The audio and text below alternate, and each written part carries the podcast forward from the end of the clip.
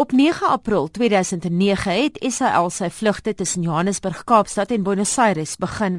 Op daardie tydstip was die enigste ander direkte skakeling tussen Argentinië en Suid-Afrika via Malaysia Airlines, maar die vlugte is in 2011 gestaak.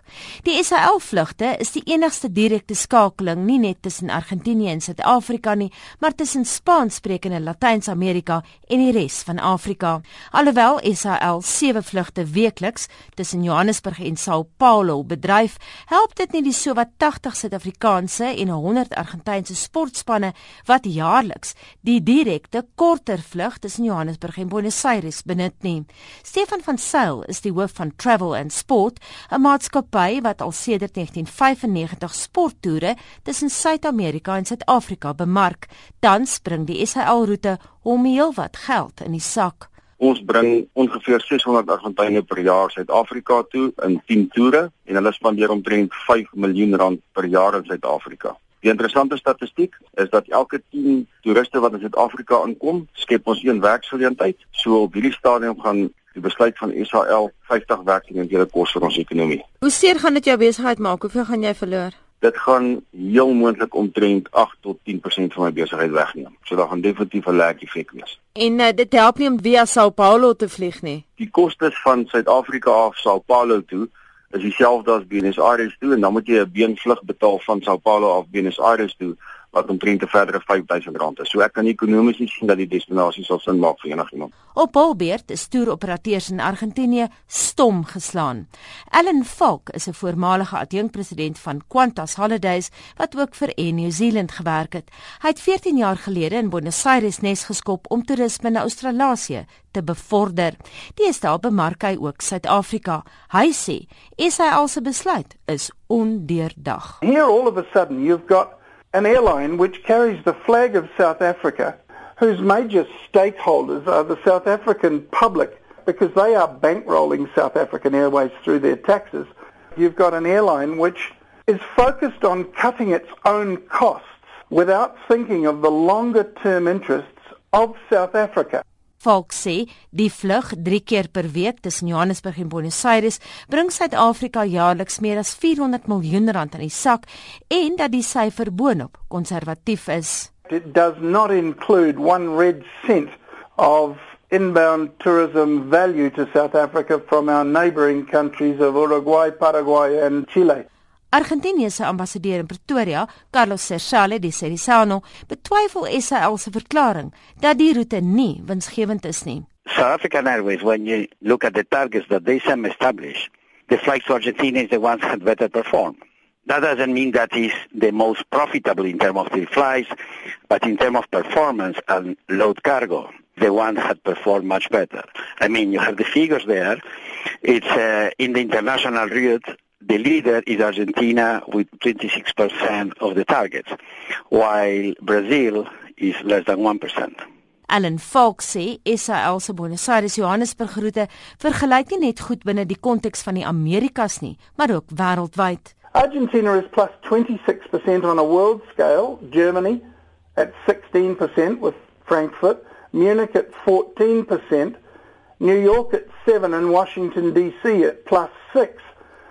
And languishing in the doldrums, you've got China at minus 31%, the Perth service to Australia at minus 20, India at minus 3 and Brazil overall at minus 1. There has never been an independent audit of this bland statement that the Argentine flight is a loss-making service.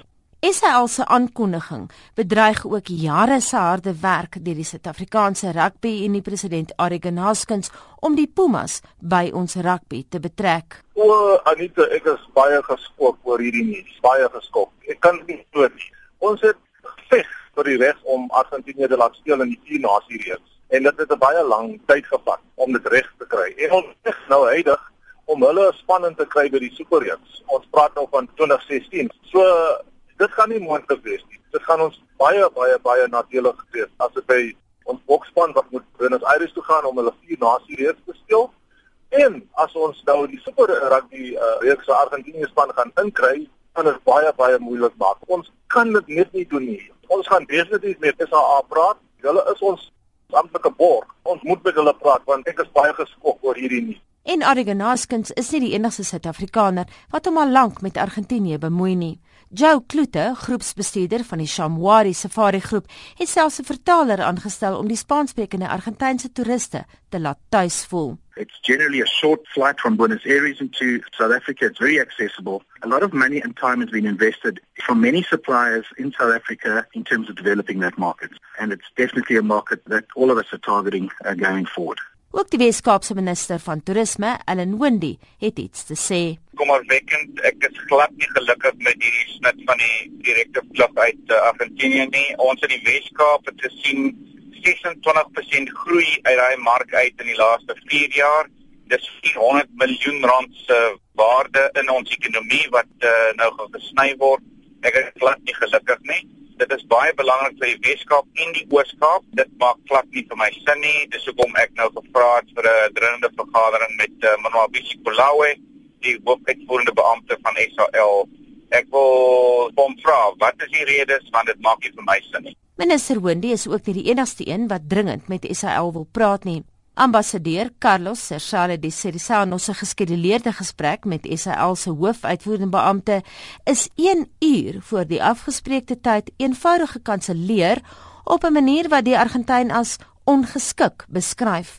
Die departement van openbare werke het die Argentynse ambassadeur se skrywe ook geïgnoreer. If you want to promote trade or facilitate trade, you need to have direct access. Companies or entrepreneurs will not travel if they need to take a 30 hours flight to come to South Africa when they can do in 12.